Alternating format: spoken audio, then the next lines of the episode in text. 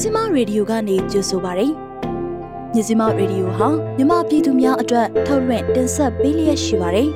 ။ကျမတို့ရဲ့မြစီမရေဒီယိုကိုနေ့စဉ်ည6နာရီခွဲမှည9နာရီခွဲထိလိုင်းဒိုမီတာ16မီတာစက္ကွန်တသမခွန်3မဂါဟက်ကနေပြီးတော့ဖမ်းယူနားဆင်နိုင်ပါပြီ။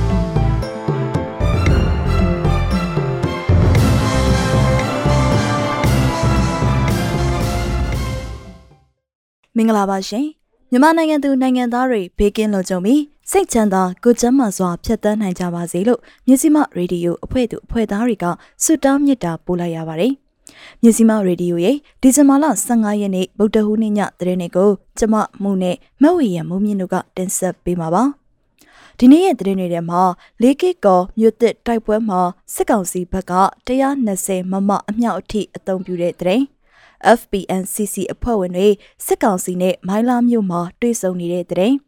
လေကစ်ကောရက်ကွက်6ကိုစစ်တပ်ကထပ်မံဝင်ရောက်စစ်ဆေးပြီးမနေ့ကနဲ့ဒီနေ့အထိဖမ်းဆီးခံရသူ90ဝန်းကျင်ထိရှိနိုင်ဟုဒေသခံတွေပြောတဲ့တဲ့ကမ်ဘလူးမြို့နယ်မှာအရက်ဝက်နဲ့ဆိုင်ကယ်တစ်စီးမိုင်းဆွဲတိုက်ခိုက်ခံရပြီးတအူးတည်ဆုံနေတဲ့ပလဲမြို့နယ်မှာဖြစ်ပွားတဲ့စစ်ကောင်စီတပ်နဲ့တိုက်ပွဲမှာပျောက်ကြားတပ်သားတအူးကြဆုံနေတဲ့ စစ်ကောင်စီတက်၍ကမ်ဘလက်မြို့နယ်ကခရီးယန်တရားဟောဆရာတည်ဆုံတဲ့စတဲ့သတင်းတွေကိုနားဆင်ကြရမှာပါ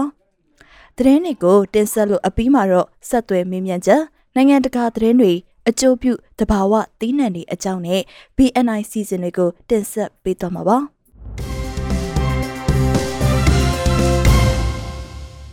စစ်ကောင်စီတပ်တွေဝင်ရောက်ရှာဖွေဖမ်းဆီးတာတွေလုပ်ခဲ့တဲ့လေးကီကောမြို့သစ်မှာဒီကနေ့မနက်7:00နာရီအချိန်ကစတင်ကတိုက်ပွဲတွေဖြစ်ပွားနေခဲ့ပါတယ်။ KNLA, KNDO,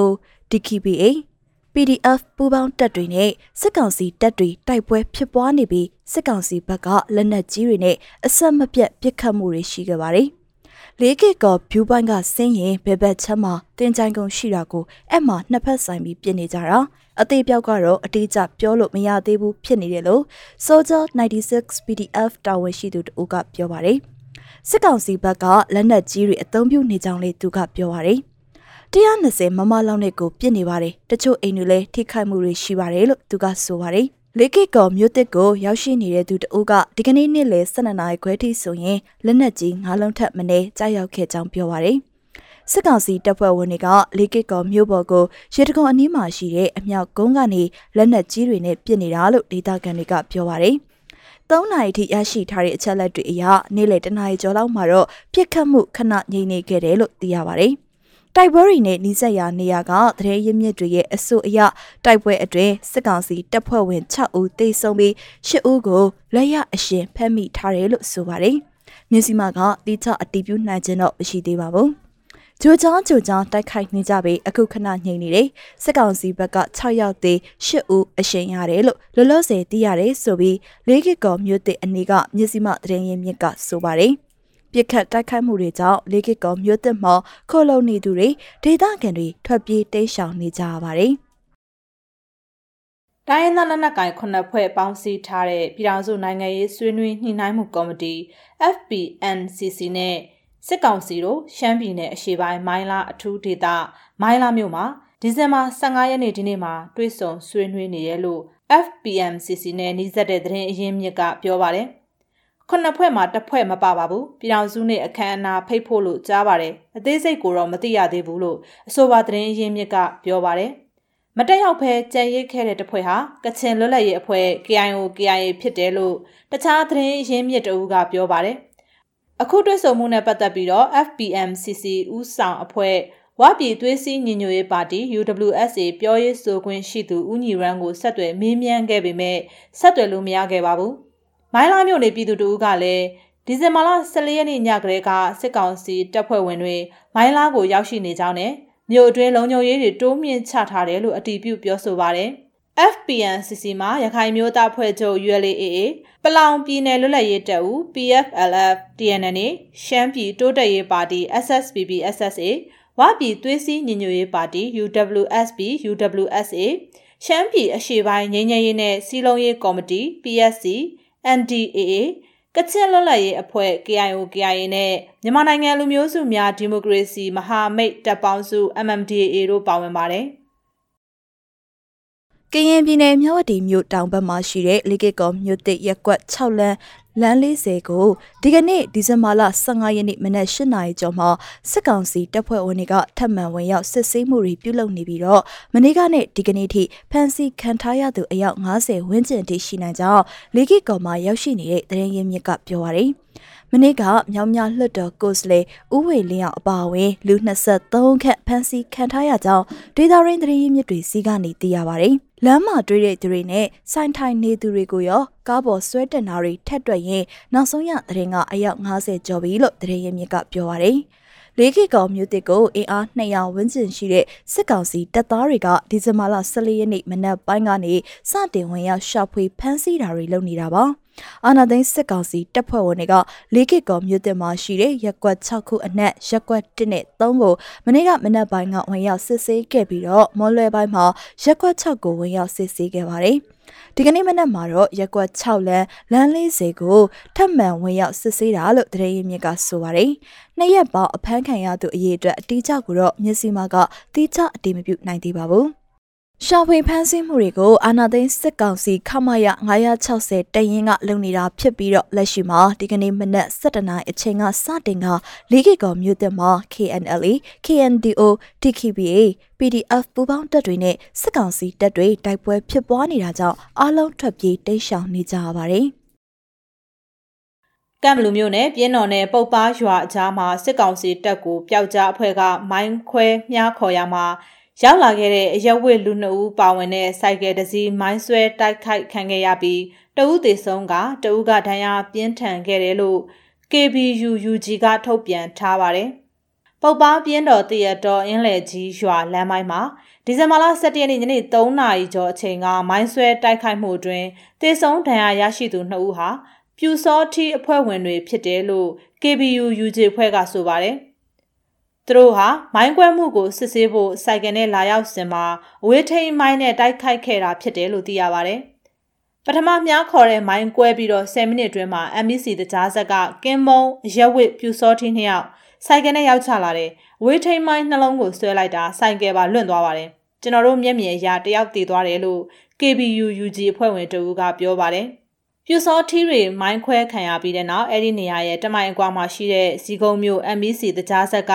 စစ်ကောင်စီတပ်ဖွဲ့ဝင်၈ဦးရောက်ရှိလာခဲ့ပြီးတော့ရုပ်အလောင်းနဲ့ထိခိုက်ဒဏ်ရာရရှိသူတွေကိုစက်ရုံထဲကိုတည်သွားတယ်လို့သိရပါဗျ။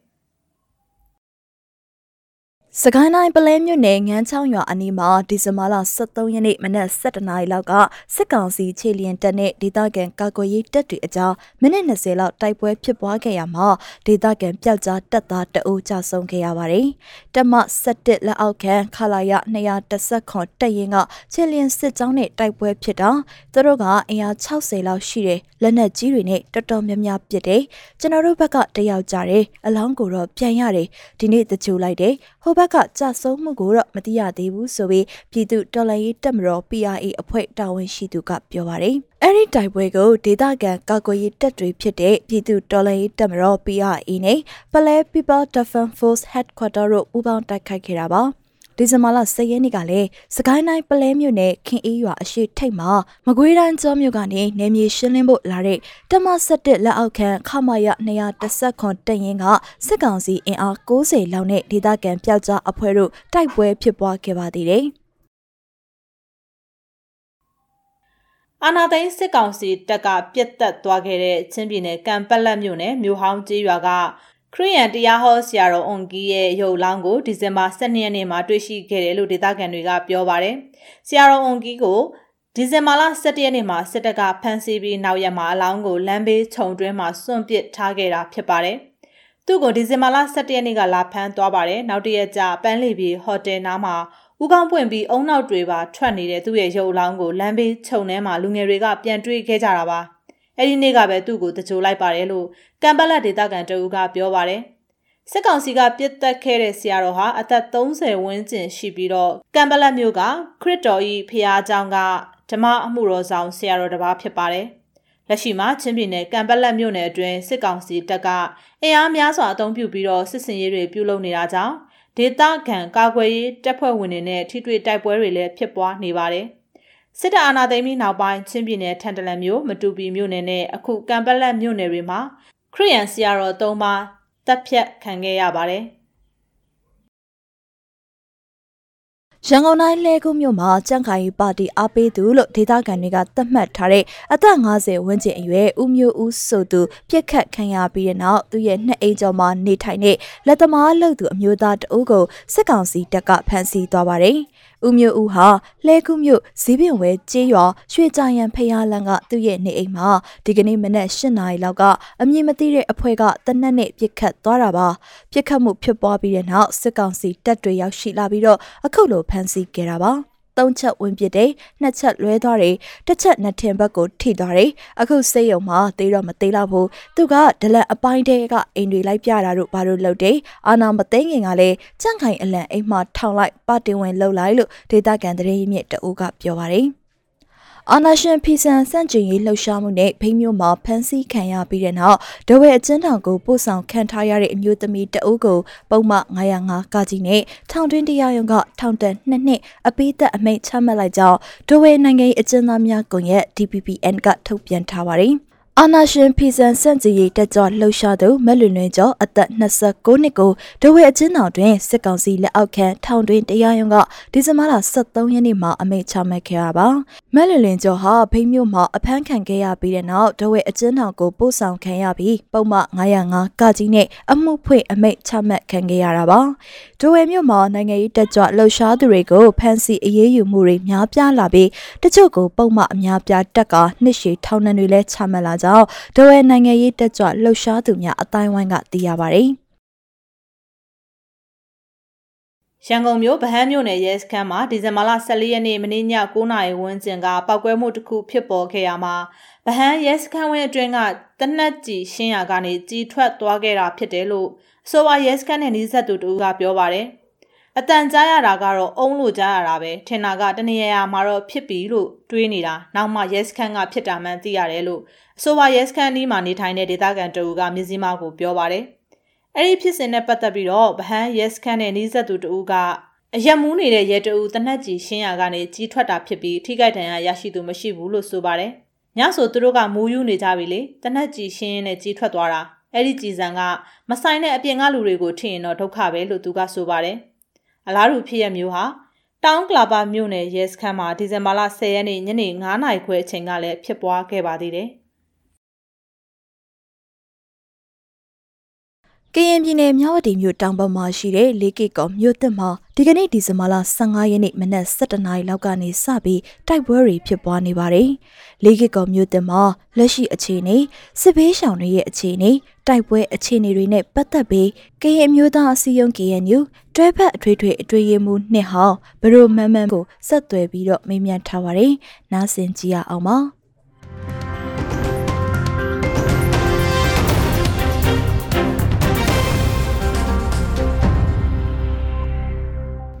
ပါဘူးကျွန်တော်လည်းအာကြားမိသလောက်လည်းတိုက်ပွဲစနေပြီလို့လည်းကျွန်တော်ကြားမိပါအဲ့အတွက်လည်းကျွန်တော်တို့ခုတည်းအဲဘယ်လိုပြောမလဲဆိုတော့ဒီဟိုဆက်သွယ်စုံစမ်းစေလို့ပဲပြောရမှာဖြစ်ပါတယ်ပေါ့နော်ဆိုတော့ဘာဖြစ်လဲဆိုတော့ကျွန်တော်တို့ဒီအောက်ခြေတက်မှုတွေနဲ့အောက်ခြေတက်ခြင်းတွေအားလုံးကတော့ဒါသူတို့အားလုံးကတော့ဒီပုံမှန်ရေးတတိရှိပါတယ်ဒါတော့ဒီပုံမှာတော့ဒီတိုင်းသား ဒီဒီဒီဒီကျွန်တော်တက်ရင်နေပေါ့နော်ကျွန်တော်တို့ဒီဘက်ဒီ BGF ပါဝင်ပေါ့နော်ပြင်းနေတဲ့ကံဖွဲ့ဖြစ်တဲ့ PNL BGF PC အဲဒီ TVP အားလုံးကလည်းပဲဒီပေါ်မှာကျွန်တော်တို့ဒီဆောင်ရွက်မယ်လို့လည်းကျွန်တော်တို့ညွှန်နေပြောဒီပေါ်မှာပြစ်ခတ်မှုဖြစ်တယ်ဆိုတော့လေမင်းညကဒီဆွေးနွေးနေကြတာအဆင်မပြေလို့လားဗျဘယ်လိုမျိုးကြားထားလဲကျွန်တော်အဲ့ဒါတွေရောလည်း မသိနိုင်ပါဘူးဒီကတော့ဒီကိစ္စကိုတော့ဒီကျန်လေခုပြန်တော်လာတိုက်ခိုက်ဖို့ပဲကျွန်တော်တက်ကဒီပေါ်မှာပဲအာရုံစိုက်ပါတယ်ကျန်တဲ့အပိုင်းတွေကတော့ကျွန်တော်တို့ဒီပြည်စုံဆွေးနွေးတဲ့ပုံကိုယ်တွေနဲ့ပဲအမြင်များမှာဖြစ်ပါတယ်အော်ဒီလေကီကောဖြစ်စဉ်ကိုလေ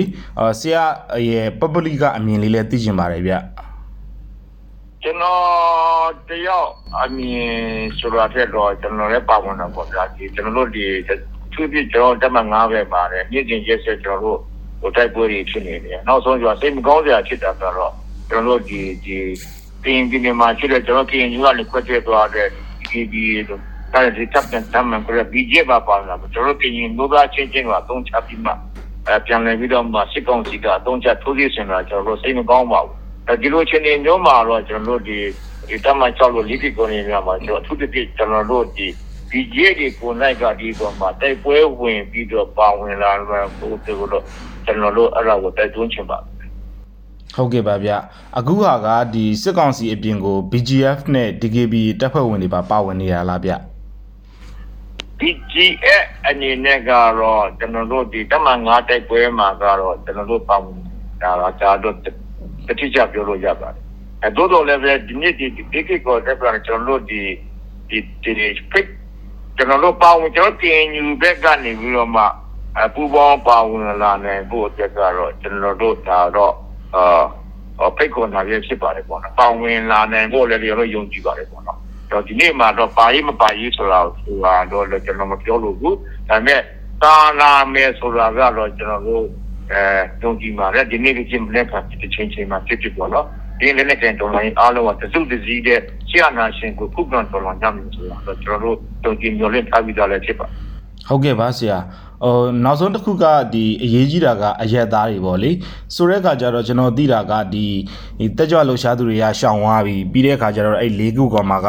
ဒေသခံတွေပဲအနှဲငယ်ကြံခဲ့တယ်လို့သိရတယ်ဗျအဲ့ဒါကောဘာအခြေအနေများကြားသေးလဲဆရာအခုပြစ်နေပြီဆိုတော့လေ ဟုတ်ကဲ့ပါကျွန်တော်သတင်းတိကျတော့လည်းမရတယ်သို့တော်လည်းပဲကျွန်တော်နေသားကိစ္စဖြစ်တဲ့အတွက်ကြောင့်တော့ကျွန်တော်တို့ဒီဒုက္ခတွေပြေးရှောင်လာမယ်ဆိုခုံလုံးနိုင်ဖို့တဲ့ထိုင်းနိုင်ငံဘက်ကလည်းအရှင်တိအပြင်ထားနေလို့လည်းကျွန်တော်တို့ဒါကိုယုံကြည်ပါတယ်အရင်ကနဦးနှစ်ဆမ်ပိုင်းလောက်လက်ဆန်လောက်ဝဲလောက်တဲ့ကပေါ့ကျွန်တော်ဒီတမန်ငါတို့တမန်တီတို့တိုက်ပွဲစဖြစ်တဲ့ကလေရင်မတ်လာ ဒီကရဲ့ဒီကျွန်တော်တို့နိစ္စဆမ်ပိုင်းမတ်လာလေးကတိုက်ပွဲစဖြစ်တဲ့ကဒီကျွန်တော်တို့ထိုင်းမှာရှိတဲ့အာဏာပိုင်တွေရောဒေသခံဖွဲ့စည်းတွေရောကနေတော့မှတကယ်လို့တိုက်ပွဲဖြစ်လာမယ်ဆိုရင်တော့ကျွန်တော်တို့ဒီတမန်9နဲ့ဒီတပ်ကမကပဲတမန်6တမန်9နေရာမျိုးတည်းလည်းပဲဒီလူလူတွေတင်းချောင်ပြောင်းနိုင်ဖို့တည်းလည်းထိုင်းနိုင်ငံဘက်ကတော့ပြင်ဆင်ဆောင်ရွက်ချပြီးလို့လည်းကျွန်တော်တို့ဒါကိုတော့လည်းလို့လည်းကျွန်တော်ယုံကြည်ပါတယ်ဟိုနောက်နောက်တစ်ခုကဆရာထင်မြင်ချက်လေးပါဗျ အခုတမဟာ9မှာတော့တိုက်ပွဲတွေအဓိကဖြစ်နေတာပေါ့နော်ပြီးတဲ့အခါကျတော့အခုတမဟာ6ကတောင်တောင်တိုက်ပွဲဖြစ်တဲ့နဲတဲ့တမဟာတခုပေါ့ဆိုတော့ဒီလိုမျိုးတမဟာမှာတိုက်ပွဲတွေစပြီဆိုတော့ဒီတိုက်ပွဲအခြေအနေကဆက်လက်သင်းမာလာနိုင်လားဗျ KNL နဲ့ဒီစစ်ကောင်စီနဲ့ဟုတ်ကဲ့ကျွန်တော်တို့ဒီဒီလက်နက်ကိုင်တော်လှန်ရေးဖွဲ့နေကတော့ကျွန်တော်ဆက်ပြီးတော့မှဒီစစ်ကောင်စီနဲ့ဆရာနာချင်းအရှိတပြတော့ ဆက်ပြီးတော့တော်လှန်နေရမှာပြောဆိုတာဒါကတော့ပထမဆုံးဒီဒီပုံစံပြောချင်ပါတယ်ပေါ့နော်ဒီအားနဲ့ပတ်သက်ပြီးတော့မှတော့ကျွန်တော်တို့ဒီဆက်ပြီးတော့မှတိုက်ပွဲတွေဘယ်လောက်ထိပြင်းထန်လာနိုင်တယ်ဆိုတာကတော့ကျွန်တော်တို့ရဲ့ဒီရှိရဘူးငါပြူဟာပုံနဲ့နီးပြူဟာပုံမှာလည်းပုံကြည့်နေပါသေးတယ်ပေါ့နော်ဒီချက်ကတော့ကျွန်တော်တို့ပြောရတာတော့စောပါသေးတယ်ပေါ့ဟုတ်တော့လည်းပဲလက်ရှိကျွန်တော်တို့ဒီတမ6တို့နေနေလို့မှလည်းပဲ အဲကျွန်တော်တို့ဒီဒေါ်လာတိုက်ပွဲတွေစနေပြီဆိုတာကလည်းကျွန်တော်ဆက်ပြီးတော့မှအားကောင်းအောင်လို့ကျွန်တော်ဆက်ပြီးတော့မှ post မရမှာပဲဖြစ်ပါတယ်ပြီးတော့ကျွန်တော်နောက်ဆုံးမေးခွန်းပါဗျဒီ KNU ရဲ့မူဝါဒကနိုင်ငံရေးအရာဆွေးနွေးတဲ့မူဝါဒပေါ့လေ NCA ကိုလည်းအစောဆုံးလက်မှတ်ထိုးခဲ့တဲ့တိုင်းဒေသလက်နက်ကိုင်အဖွဲ့အကြီးတစ်ခုဖြစ်တယ်ပေါ့ဆိုတဲ့အခါကျတော့ဒီကိစ္စတွေနဲ့ပတ်သက်လို့ပေါ့လေဒီစစ်ကောင်စီနဲ့ဆွေးနွေးဖို့ရောအနေထားဘယ်လိုမျိုးရှိမလဲခင်ဗျ ကျွန်တော်တို့ဒီအခြေခံမူအရတော့ဒါနိုင်ငံရေးပြဿနာကိုနိုင်ငံရေးနည်းနဲ့ဖြေရှင်းရမယ်ဆိုတာကတော့ဒီ KNU ကွန်ဂရက်မှာဖြစ်အဲကကွန်ဂရက်အဆက်ဆက်တိုင်းမှာဒါဟိုဒါဒီလုံနည်းလောက်ခံမှုနေနဲ့ဒါဘောရချက်တာပြကြလဲဖြစ်တယ်ဒါတော့ကျွန်တော်တို့အာပြောရမှာဖြစ်တယ်တိုးတော်လည်းပဲဒီကျွန်တော်တို့ဒီ6ကျင်းလောက်ဒီ1949ခုနှစ်ဒေါ်လာဆက်တဲ့ကပြည်တော်စုနေမှာ6ကျင်းလောက် ရှိခဲ့ဒီဒီ6ကျင်းလောက်အတွေ့အကြုံတွေမှာကတော့ကျွန်တော်တို့လိုချင်တဲ့နိုင်ငံတက်တဲ့နောက်နိုင်ငံနည်းနဲ့ဖြည့်ရှင်းတဲ့လမ်းကြောင်းကိုတခုမှမရှိခဲ့ဘူးဆိုတော့ကျွန်တော်တို့ဒီ NC စာချုပ် NC လမ်းကြောင်းတဲ့သွားတဲ့ဟာကကျွန်တော်နောက်ဆုံးတက်ပြီးတက်စားပြီးဖြစ်တဲ့အတွက်ကြောင့်ဒီဒီဒါမဲ့အချိန်ဒီမှာကတော့ကျွန်တော်တို့ဒီဘလောက်ပဲကျွန်တော်တို့ပြည့်စုံရှင်းနေလို့လို့စစ်ကောင်စီတက်ကဒီနေ့အပြင်မှာဆိုအတက်ကပဲပြောရမှာပေါ့နော်သူဆိုစစ်ကောင်စီတက်ကပဲဖြစ်ဖြစ်လို့နော်ဒီပေါ်မှာတော့ကျွန်တော်တို့လိုချင်တဲ့ ဒီနိုင်ငံပန်းတိုင်ကိုရောက်နေမှာမဟုတ်လို့ပဲပြောချင်ပါတယ်ဒါကြောင့်မို့ကျွန်တော်တို့ဒီဒီစနစ်တစ်ခုကိုတိုက်ခဲ့ဖို့ကတော့တော်လန်ရေးနီးနဲ့ကိုတော့ကျွန်တော်တို့ဒီစစ်အာဏာရှင်စနစ်ကိုတော့ဒီတိုင်းကအားလုံးမကပြတဲ့ဒီမျိုးတော်လန်ရေးနဲ့အတူကတော့အမြင့်ပြခြင်းလုံးတိုက်ပွဲပေါ်ဆောင်သွားမှာဖြစ်ကြလို့ပဲနောက်ဆုံးပြောချင်ပါ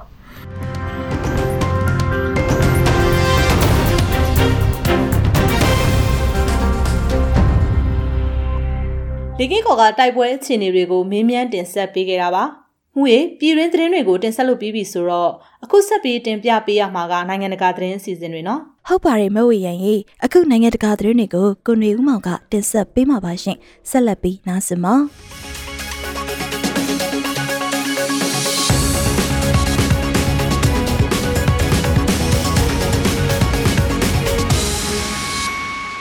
ဘေကျင်းနဲ့ဝါရှင်တန်အကြား တင်းမာမှုတွေမြင့်တက်လာတဲ့အတွက်အမေရိကန်မှာတခြားတရုတ်တယ်လီကွန်ကုမ္ပဏီကြီးနှစ်ခုနဲ့အတူစည်ရင်းထုတ်ပယ်ခြင်းခံလိုက်ရပြီးတနစ်အကြာမှာတရုတ်နိုင်ငံပိုင် China Mobile ကိုရှန်ဟိုင်းမှာလူသိရှင်ကြားစည်ရင်းသွင်းနိုင်ဖို့အတည်ပြုချက်ရရှိခဲ့ကြောင်းစာရွက်စာတမ်းများအရသိရှိရပါတယ်။ China Mobile ကနေရှယ်ယာ845.8တန်းထိထုတ်ပေးဖို့စီစဉ်နေကြောင်း Shanghai Stock Exchange website မှာဒီဇင်ဘာလ14ရက်အင်္ဂါနေ့ကထုတ်ပြန်တဲ့အစီရင်ခံစာအရသိရှိရပြီး၎ င်းရဲ့ဟောင်ကောင်စီးရင်ဝင်ရှယ်ယာတွေရဲ့နောက်ဆုံးပိတ်ဈေးနှုန်းပေါ်မူတည်၍အမေရိကန်ဒေါ်လာ9ဘီလီယံထိအောင်ညှစ်တင်နိုင်ဖို့လှုံ့ဆော်နေပြီဖြစ်ပါတယ်။သမ္မတဟောင်းဒေါ်နယ်ထရန့်ရဲ့စီးရင်ဆုံးဖြတ်ခွင့်အမိန့်အရအဆိုပါကုမ္ပဏီကို China Telecom နဲ့ China Unicom ကုမ္ပဏီနှစ်ခုနဲ့အတူ January လအတွင်းကစီးရင်ထုတ်ပေးခဲ့တာဖြစ်ပါတယ်။အဆိုပါအမိန့်အရတရုတ်နိုင်ငံရဲ့စီးရေးနဲ့လုံခြုံရေးဆိုင်ရာရန်တရားတွေကိုပံ့ပိုးပေးနေတယ်လို့ယုံကြည်ရတဲ့ကုမ္ပဏီအများပြားမှာအမေရိကန်တွေယင်းနှိမ့်မြုပ်နှံခြင်းမပြုဖို့တားမြစ်ထားပါတယ်။ စုဆောင်းထားတဲ့ရန်ပုံငွေတွေကို 5G အခြေခံအဆောက်အအုံများတည်ဆောက်ခြင်းအပြင် smartphone project တွေနဲ့အကြားစွန့်ဦးတည်ဆောက်မှုတွေလှုပ်ဆောင်ဖို့အတွက်ရည်ရွယ်ပံ့ပိုးပေးသွားမှာဖြစ်ကြောင်းကုမ္ပဏီကပြောကြားခဲ့ပြီးစတင်ရောင်းချမဲ့ကာလကိုတော့မဖော်ပြခဲ့ပါဘူး။နိုင်ငံရဲ့အကြီးဆုံးဖုန်းလိုင်း operator ဖြစ်တဲ့ China Telecom ရဲ့ share တွေကိုတော့ဩဂုတ်လအတွင်းကရှန်ဟိုင်းမှာစတင်ရောင်းချခဲ့ပြီးဒေါ်လာ9.3ဘီလီယံထိမြင့်တက်လာခဲ့ပါတယ်။ China Unicom ကတော့ 2002ခုနှစ်ကတည်းကရှန်ဟိုင်းရှိလုပ်ငန်းခွဲတစ်ခုမှာရှယ်ယာတွေကိုစီးရင်သွင်းခဲ့ပါတယ်။တရုတ်ရဲ့အကြီးမားဆုံးနည်းပညာနဲ့တယ်လီကွန်ကုမ္ပဏီအချို့ဟာရန်ပုံငွေရရှိဖို့ကြိုးပမ်းမှုအဖြစ်2000ခုနှစ်တွေထဲမှာဖွံ့ဖြိုးလာတဲ့ American Stock ဈေးကွက်တွေအတွင်းရှယ်ယာတွေစီးရင်သွင်းခဲ့ကြပါတယ်။ဒါပေမဲ့ဘေကျင်းနဲ့ဝါရှင်တန်အကြားတင်းမာမှုတွေမြင့်တက်လာတဲ့နဲ့အမျှတရုတ်အစိုးရဟာကုမ္ပဏီကြီးတွေကိုအမိမြေနဲ့ပုံမနိကတ်စွာထားရှိဖို့နဲ့နိုင်ငံရဲ့အရင်းအနှီးဈေးကွက်များဖွံ့ဖြိုးတိုးတက်လာစေရေး တွန်းအားပေးမှုတစ်စိတ်တစ်ပိုင်းအဖြစ်ပြည်တွင်းရှယ်ယာဈေးကွက်မှာစီးရင်သွင်းဖို့ကုမ္ပဏီတွေကိုတွန်းအားပေးခဲ့ပါတယ်။ American နိုင်ငံသားရေးဝန်ကြီး Anthony Blinken က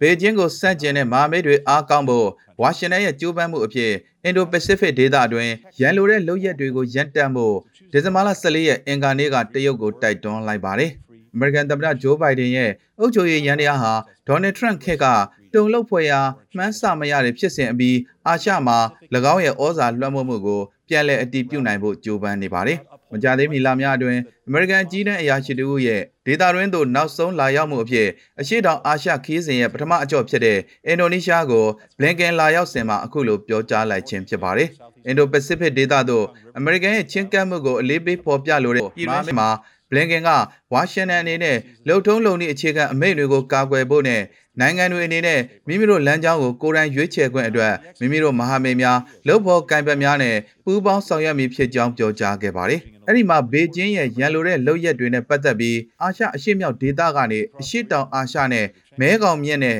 ပစိဖိတ်ကျွန်းစုတွေအထိစိုးရိမ်စရာတွေအများကြီးရှိနေပါတယ်။ နိုင်ငံတကာရေပိုင်နက်ကို၎င်းတို့ပိုင်ဆိုင်ကြောင်းအခိုင်အမာဆိုနေတာတွေသူတို့အစိုးရပိုင်းကုမ္ပဏီတွေကိုထောက်ပံ့မှုတွေကတဆင့်ပွင့်လင်းတဲ့ဈေးကွက်တွေကိုပုံဖြတ်တာတွေ၎င်းတို့မူဝါဒအပေါ်သဘောမတူတဲ့နိုင်ငံတွေအတွက်ပို့ကုန်ညှင်းဆိုခြင်းတွေသဘောတူညီချက်ဖြတ်သိမ်းခြင်းတွေလှုပ်ဆောင်နေပါတယ်။ဒေသတဝန်းကနိုင်ငံတွေအနေနဲ့ဒီအမှုအကျင့်ကိုပြောင်းလဲစေခြင်းတလို့ကျွန်တော်တို့ကလည်းကြိုးပမ်းနေပါတယ်လို့အင်ဒိုနီးရှားတက္ကသိုလ်မှာမိန့်ခွန်းပြောကြားစဉ်ဘလင်ကန်ကထည့်သွင်းပြောဆိုခဲ့ပါတယ်။ တောင်တရုတ်ပင်လယ်အတွင်းလွတ်လပ်စွာရေကြောင်းတွာလာရေးအာမခံမှုရရှိဖို့အမေရိကန်ကတန်တိတ်ထန်ချထားပြီးဘေကျင်းရဲ့လုပ်ရက်တွေဟာနှစ်စဉ်ဒေါ်လာ3ထရီလီယံကျော်တန်ကြေးရှိတဲ့ကုန်သွယ်ရေးကိုချင်းချောက်နေကြောင်း၎င်းကထပ်လောင်းပြောကြားခဲ့ပါတယ်။ဒါပေမဲ့ဘလင်ကန်ကအမေရိကန်ဗဟိုပြုဒေသဒါမှမဟုတ် တရုတ်ဗဟိုပြုဒေသဖော်ဆောင်မှုအတွက်ပြိုင်ဆိုင်မှုမဟုတ်ဘဲအင်ဒိုပစိဖိတ်ဒေသဟာဒေသရင်းနိုင်ငံတွေရဲ့ကိုယ်ပိုင်ဒေသဖြစ်တယ်လို့လည်းအလေးပေးပြောကြားခဲ့ပြီးဒီနေရာမှာဝါရှင်တန်အနေနဲ့ပဋိပက္ခကိုရှောင်ရှားလိုတယ်လို့ဆိုပါတယ်။ပဋိပက္ခဖြစ်ပွားနေတဲ့မာလီနိုင်ငံဆာဟယ်ပြည်နယ်ကိုထမဆုံးဝင်ရောက်ဆွတ်ဖက်မှုအပြီးရှင်းနှစ်ကျော်အကြာမှာပြင်သစ်တပ်တွေအနေနဲ့တင်ပက်တူမြို့ကနေရုတ်သိမ်းဖို့ဒီဇင်ဘာလ14ရက်အင်္ဂါနေ့မှာပြင်ဆင်ခဲ့ပါတယ်။အဲ့ဒီအချိန်ကပြင်သစ်သမ္မတ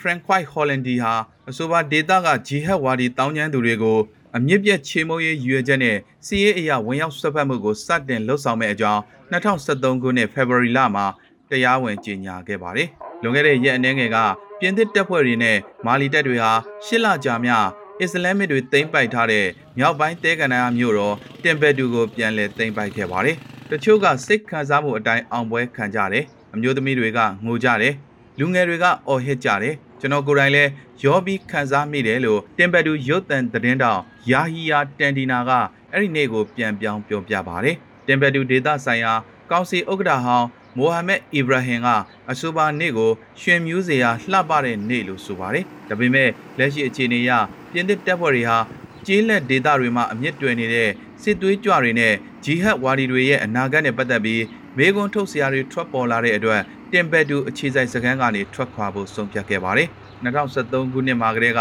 ပါရီဟာမာလီအပါအဝင်စာဟယ်ဒေသတဝမ်းမှာတပ်ဖွဲ့ဝင်9100ခန့်ချထားပြီးနောက်ပိုင်းမှာဒေသန္တရအစိုးရတွေနဲ့၎င်းတို့ရဲ့ညံ့ဖျင်းတဲ့တပ်ဖွဲ့ဝင်တွေကိုထောက်ပံ့ကူညီဖို့အတွက်တပ်ဖွဲ့ဝင်အရေးအတွက်တိုးပြီးချထားလာခဲ့ပါတယ်။ဒါပေမဲ့2020ခုနှစ်ဩဂုတ်လမှာရွေးကောက်ခံမာလီသမ္မတအီဘရာဟင်ဘူဘာကာကီတာကိုဖြုတ်ချပြီး မာလီစစ်တပ်ကအာဏာသိမ်းခဲ့တဲ့နောက်ပိုင်းဇွန်လအတွင်းမှာပြင်သစ်တပ်တွေကိုအကြီးစားရုပ်သိမ်းသွားမှာဖြစ်ကြောင်းသမ္မတမက်ခရွန်ကကြေညာခဲ့ပါတယ်။လာမယ့်နှစ်စာဟဲမှာပြင်သစ်စစ်တပ်ရဲ့တပ်ဖြတ်မှုဟာတပ်ဖွဲ့ဝင်3000ခန့်အထိကျဆင်းသွားမှာဖြစ်ပါတယ်။ပြင်သစ်တပ်ဖွဲ့တွေဟာမာလီမြောက်ပိုင်းရှိကိုက်တယ်နဲ့တက်ဆယ်လစ်မြို့အခြေစိုက်စခန်းတွေကနေလည်းစုခွာခဲ့ပြီးဖြစ်ပါတယ်။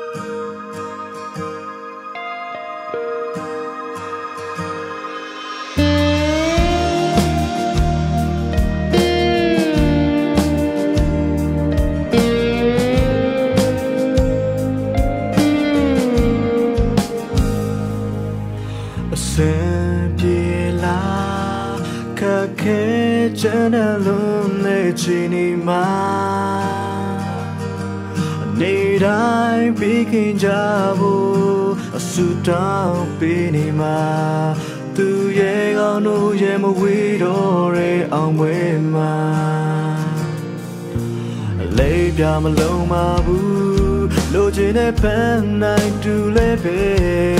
အပေးစမှုချမိုးနဲ့မြေကြီးပဲ Hey အိုင်ငါတွေ့ချေဦးတော်လာတမမြတ်တဲ့တီတီပေးစံနောက်ဆုံးကြတိုင်းပြီးအတွက်အသက်တော်မငယ်ကွယ်အောင်မြင်မှာတေချာတီတိုင်းကွယ်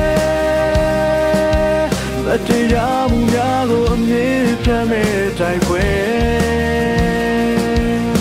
အချိန်နဲ့အိမ်ပြန်တဲ့တွေမကြတော့ဘူးအတင်ထားပါအောင်တငယ်တဲ့ရေအစင်ပြေပါမလားပင်ပန်းစင်ရဲ့လုံးနဲ့နေရာမှာအချိန် တိုင်းစိတ်နဲ့မကြဘူးအခွန်အားပေးချင်တာအားတို့တိုင်းပြည်ကြီးဟာမင်းတို့ရဲ့လက်ထဲမှာတကယ်လေးပြမလုံးမဘူးလိုချင်တဲ့ပန်းနိုင်တူလဲပဲအမေတို့ကတော့အသက်ကိုယ်တော်ပြီးရဲ့အောင်မြင်မှာတေချာပါဒီတိုင်းပွဲ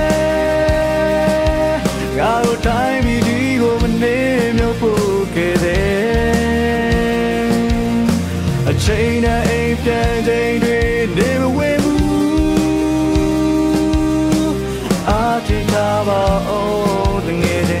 ရေတ ချိန်နဲ့အိမ်ပြန်ချိန်တွေနေမဝဲဘူး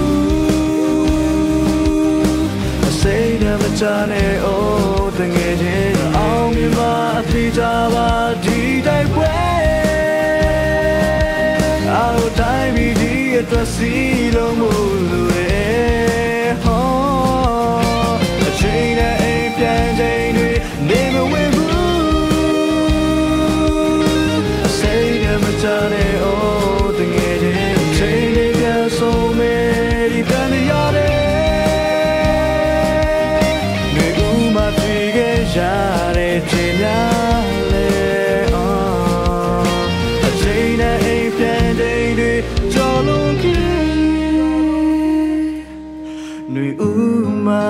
ခဲ့ရ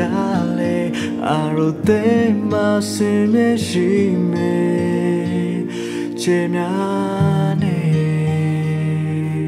အရိုတဲ့မစင်လင်းလာမေ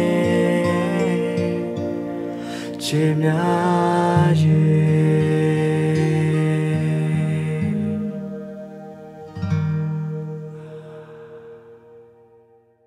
မဝေရန်ရေအခု ဆက်ပြီးတင်ဆက်ပေးမယ့်အစီအစဉ်လေးကတော့ Nature's Article အစီအစဉ်လေးပါဒီစီစဉ်ကတဘာဝအသီးအနှံတွေကိုအသုံးပြုပြီးတော့ကျန်းမာရေးအတွက်ရရှိနိုင်မယ့်အကျိုးကျေးဇူးအကြောင်းတွေကိုမှုကပြောပြပေးမှာနော်ပြောပြပေးပါဦး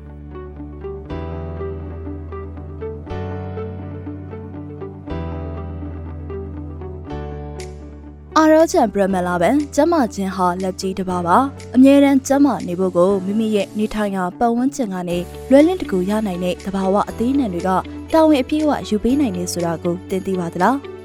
တဘာဝအသေးနှံတွေကိုအသုံးပြုပြီးတော့ကျမရဲ့အတွက်ရရှိနိုင်မယ့်အကျိုးကျေးဇူးတွေအကြောင်းကို Nature's Article အစီအစဉ်ကနေတင်ဆက်ပေးသွားမှာပါ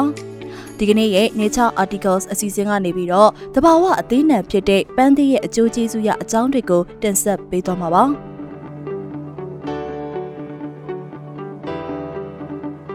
ပန်းသီးကိုနေ့စဉ်စားသုံးခြင်းကဆရာဝန်ကိုအဝေးကူပို့ပေးတယ်ဆိုတဲ့သိုးဆောင်စကားပုံတစ်ခုရှိပါတယ်။အစီချအဝါလွန်ရှော့ချသူတွေအတွက်ပန်းသီးကိုထပ်မင်းအစားစားတောက်နိုင်ပါတယ်။ပန်းသီးစားရည်နဲ့ဝေးချတာကကျန်းမာရေးကိုအထောက်အကူပြုပါတယ်။ပန်းသီးမှာပါဝင်တဲ့ဆေးဘက်ဝင်ဓာတ်ပစ္စည်းတွေကို phytochemical လို့ခေါ်ပါတယ်။သူ့မှာက phenolic compound ဖြစ်တဲ့ flavonoids ဓာတ်တွေပါဝင်ပါတယ်။ဓာတ်တိုဆန့်ကျင်ပစ္စည်း antioxidants တွေလည်းပါဝင်ပြီးတော့တဘာဝဗီတာမင် C နဲ့အမြင့်ဓာတ် fiber တွေလည်းကျယ်ဝစွာပါဝင်ပါတယ်။အဲ့ဒီဆေးဘက်ဝင်ပစ္စည်းတွေဟာပန်းသီအမျိုးအစားပေါ်မူတည်ပြီးတော့ကွာခြားမှုတွေရှိပါတယ်။ပန်းသီတစ်မျိုးထဲမှာစုခူးချိန်ပေါ်မူတည်ပြီးတော့အနုအရှင်းလိုက်ကွာခြားမှုတွေရှိပါတယ်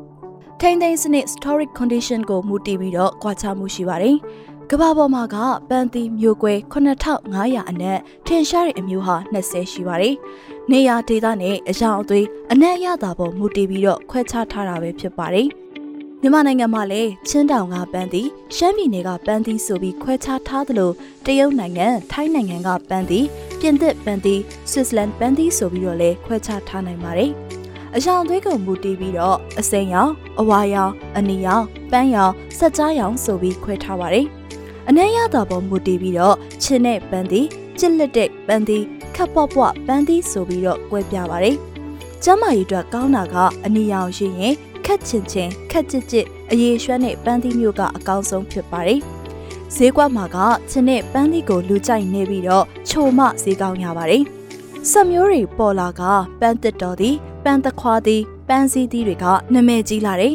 စားလို့ကောင်းတယ်တာရှိအစားခံအောင် hybrid မျိုးကရက်ပေါင်း200လောက်မပုတ်မသိုးအောင်တင်ထားနိုင်ပါတယ်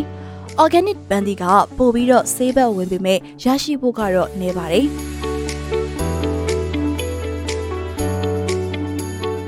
နှလုံးသွေးကြောခြင်းယောဂကာကွယ်ရေးကုသရေးမှာလည်းသုံးနိုင်ပါတယ်။ကင်ဆာယောဂမဖြစ်အောင်ကာကွယ်ရမှာလည်းအသုံးဝင်ပါတယ်။အယောင်ကျစီတဲ့တတိရှိတယ်။ပန်းနာရင်ချက်အလက်ဂျီဖြစ်မှုကိုရောစေပါတယ်။ နှလုံးသွေးကြောခြင်းယောဂမှာဘယ်လိုအကျိုးတွေရှိသလဲဆိုရင်ကဓာတ်တိုးဆန့်ကျင်ပစ္စည်းကမကောင်းတဲ့ကိုလက်စထရော LDL ဓာတ်မတိုးရအောင်ကာကွယ်ပေးတယ်။ LDL ဓာတ်တိုး oxidation ဖြစ်ရင်ကသွေးကြောတွေကမာလာမယ်။ထူလာတယ်။သွေးကြောခတ်မာခြင်းလို့ဆိုနိုင်တယ်။လေဖြတ်နိုင်တယ်။ပန်းသီးကနှလုံးရုတ်တရက်အတိုက်ခိုက်ခံရခြင်းအုံနောက်ရုတ်တရက်အတိုက်ခိုက်ခံရခြင်းတွေကနေပြီးတော့ကာကွယ်ပေးနိုင်ပါတယ် ပန်းသီးမှာပါတဲ့ခတ်တချင်းဟာလက်ဖက်ချောက်မှာပါတာထက်ကိုပုံမှုကောင်းမွန်တယ်လို့ပြောရပါမယ်ပန်းသီးပုံမှန်ဆိုင်ကနှလုံးသွေးကြောခြင်းယောဂသွေးကြောပိတ်ယောဂနဲ့လေဖြတ်ယောဂတွေကနေပြီးတော့ကာကွယ်နိုင်ပါတယ်ပန်းသီးဆိုင်နဲ့ကင်ဆာယောဂကိုလည်းကာကွယ်နိုင်ပါတယ် ဟင်းသီးဟင်းရဲ့စားသုံးမှုနဲ့ကင်ဆာယောဂဖြစ်ပွားမှုကပြောင်းပြန်အချိုးကြပါတယ်။ဟင်းသီးဟင်းရဲ့မြများစားတဲ့သူကကင်ဆာဖြစ်ပွားမှုနှုန်းကိုလျှော့နေပြီးတော့စားသုံးမှုနေတဲ့သူတွေကတော့ကင်ဆာဖြစ်ပွားမှုနှုန်းကိုမြင့်မားစေပါတယ်။ဟင်းသီးဟင်းရဲ့ထဲမှာကကင်ဆာကာကွယ်တိုက်ဖျက်နိုင်တဲ့ဓာတ်ပစ္စည်းက flavonoids flavonoids ထဲက quercetin ကတစ်ခုပါဝင်ပဲဖြစ်ပါတယ်။ပန်းတီစက်သွန်နေလက်ဖက်ရည်ချမ်းတွေက quercetin ကိုရရှိနိုင်ပါတယ်။ အဆုတ်ကင်ဆာရှင်သားကင်ဆာမျိုးကင်ဆာ ovarian ကင်ဆာတွေကနေပြီးတော့လဲကာကွယ်နိုင်ပါတယ်။ American ပြည်ထောင်စုလေ့လာချက်အရပန်တီတစ်နေ့တစ်လုံးကိုမမှန်စားသူတွေမှာအဆုတ်ကင်ဆာလမ်းကင်ဆာဖြစ်ပွားမှုများစွာလျော့နေတာကိုတွေ့ရပါတယ်။အမျိုးသား4900အမျိုးသမီး9900စုစုပေါင်း12400မှာလေ့လာတွေ့ရှိခဲ့ပါတယ်။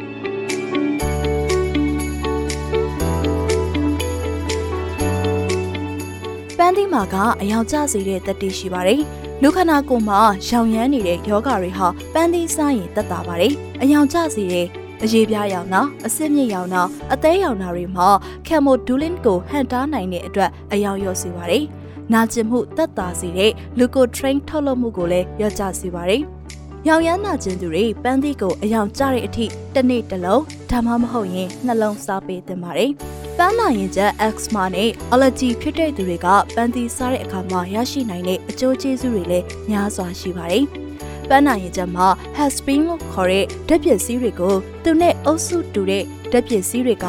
maxen နဲ့ bisophil လို့ခေါ်တဲ့ဆဲတွေကနေထုတ်လွှင့်နေလို့ပဲဖြစ်ပါတယ်။လေပြွန်မှာရှိတဲ့သွေးကြောတွေကဖောက်လာရင်လေပြွန်ကျင်းလာပြီးတော့ပိုဆိုးလာရင်တော့ကြက်သွားတွေကျုံသွားကပန်းနိုင်ရချက်ဖြစ်ပြီးတော့ပြိုတာ အန်နာဓာတ်မတည့်တာတွေဖြစ်ပါမယ်။စီးကျူယောဂရှိသူတွေဟာပန်းသည့်အသင့်တက်ပမာဏစားနိုင်ပါတယ်။အင်ဇိုင်းတွေကိုဟန်တာခြေဖြတ်နိုင်ပါတယ်။သွေးထဲမှာရှိတဲ့အချိုဂလူးစကိုကနေပြီးတော့ဆော်ဘီတိုလို့ခေါ်တဲ့စီးကျူရဲ့နောက်ဆက်တွဲပြဿနာတွေဖြစ်စေတဲ့ဓာတ်ပစ္စည်းကိုပြောင်းပေးပါတယ်။မျက်စိမှုန်တာခြေလက်ထုံကျင်တာကိုလည်းကာကွယ်နိုင်ပါတယ်။စီးကျူတက်နေရင်တော့ပန်းသီးကိုခဏရှောင်သင့်ပါတယ်။တက်တာမှသာဖြည်းဖြည်းချင်းချင့်ချိန်ပြီးတော့စားသုံးသင့်ပါတယ်။ ချိုးတဲ့ပန်းသီးအစားချင်းတဲ့ပန်းသီးမျိုးကိုစားပေးသင့်ပါတယ်။ဆရာဝန်နဲ့တိုင်ပင်ဆွေးနွေးပြီးတော့စားပေးသင့်ပါတယ်။ပန်းသီးရဲ့ကောင်းကျိုးအပြင်ဆိုးကျိုးလည်းရှိပါတယ်။ပန်းသီးရဲ့အစိတ်ကိုလုံးဝမစားသုံးသင့်ပါဘူး။ သူ့မှာက cyanogenic glycosides တွေကျယ်ဝစွာပါဝင်တဲ့အတွက်အစိတ်သင့်နိုင်ပါတယ်။ organic ပန်းသီးကဆေးဘဝင်နေပန်းသီးကနေပြမယောဂါတွေကိုခြေမုံဖို့ပဏိပစ္စည်းတွေကိုပုံမထုတ်လုပ်ပေးနိုင်ပါတယ်။ဗီတာမင်သက်ဆောင်ဓာတ်သတ္ထုဓာတ်ရေဓာတ်ပေါ်ကျယ်ဝါစွာပါဝင်တဲ့အတွက်ယောဂကြိုတင်ကာကွယ်ရေးအတွက်နေ့စဉ်ပန်းသီးနှလုံးစားပေးသင့်ပါတယ်ရှင်။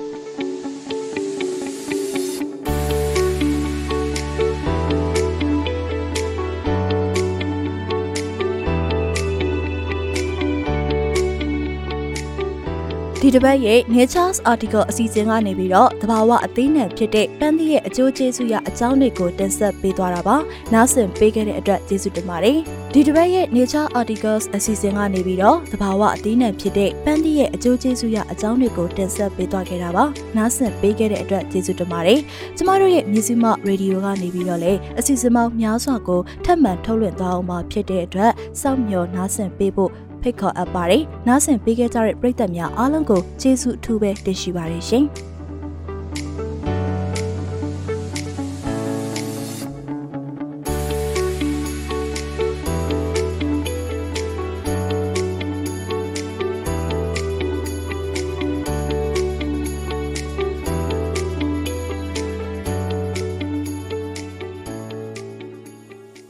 အခုမူးပြောပြပေးသွားတာက ပန်းသီးကနေရတဲ့ကောင်းကျိုးတွေအကြောင်းနော်အခုဘာအစီအစဉ်လှည့်လဲဆိုတာလေးကိုပြောပြပါဦးဟုတ်ကဲ့ပါမဝရင်ကြီးအခုဆက်ပြီးတော့နားဆင်ကြရမှာက BNN ရဲ့အစီအစဉ်တွေကိုပါဆက်လက်နားဆင်ပါရှင်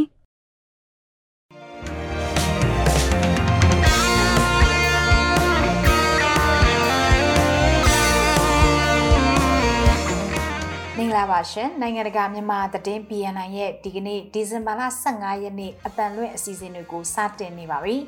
ဒီအစီအစဉ်ကတော့တိုင်းသားဒေသတွေတဲကသတင်းတွေတိုင်းသားတွေရဲ့အတန်နဲ့အမြင်တွေကိုစူးစီးတင်ဆက်ထားတာဖြစ်ပါတယ်နေ့စဉ်မြန်မာစံတော်ချိန်ညနေ9:15မိနစ်ကနေ9:00ခွဲအထိလိုင်းတူ16မီတာ19.3 MHz မှာဖမ်းယူနားထောင်နိုင်ပါတယ်ကျွန်မကအမီပါ